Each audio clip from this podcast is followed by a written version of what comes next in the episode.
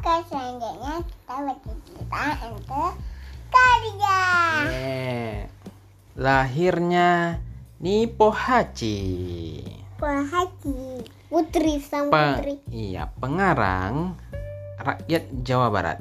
Ilustrator Felicia Nadia. Penerbit Bandung Institute of Technology.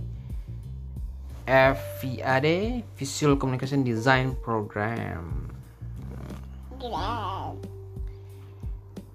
Uh, the author, illustrator, and ITB encourage the sharing of this book and translation of the text, but we request that the image themselves not be altered. Thank you. Artinya, pengarang, ilustrator, dan ITB mendukung penerjemahan cerita bergambar ini ke dalam bahasa lain dengan mempertahankan keaslian gambar. Terima kasih. Pak. Batara Guru, ketua para dewa, membangun istananya. Dia.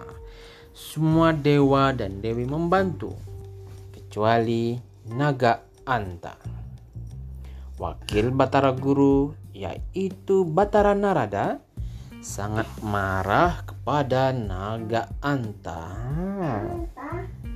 Naga Anta, oh, panjang ya Naga Antanya?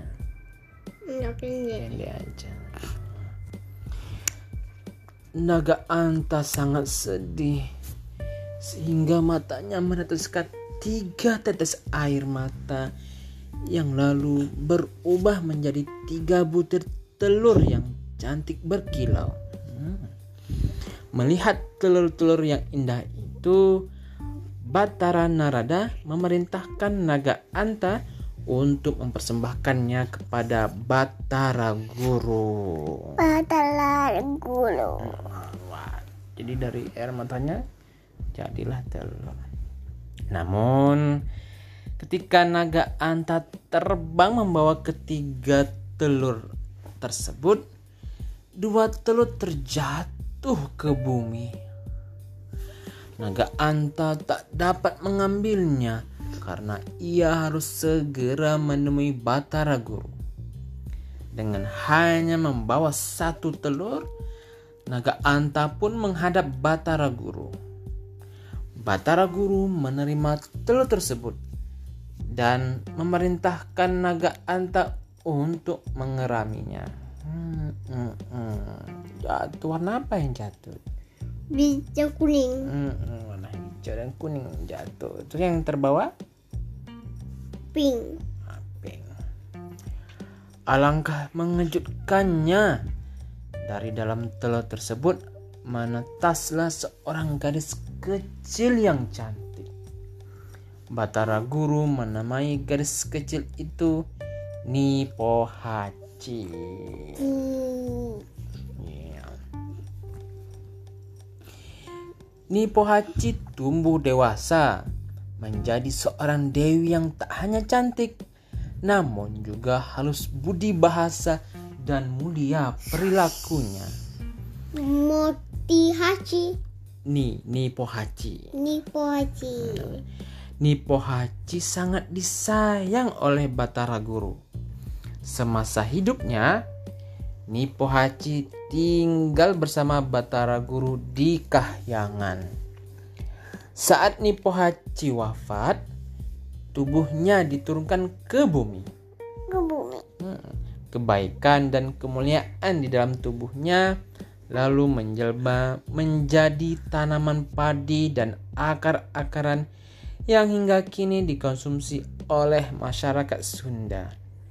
Bahkan setelah wafat pun, Nipohachi memberikan manfaat bagi sekitarnya. Tanya. Oh, Taman subur. Selesai. Ini dong. Ya, baca dulu ya.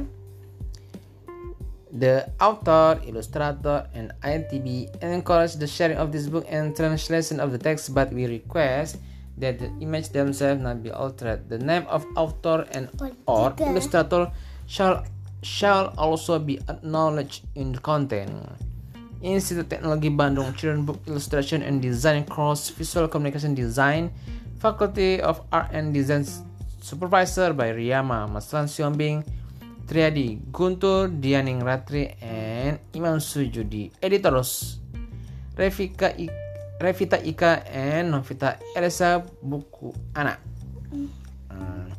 Pengarang, ilustrator, dan ITB mendukung penerjemahan cerita bergambar ini ke dalam bahasa lain dengan mempertahankan keaslian gambar.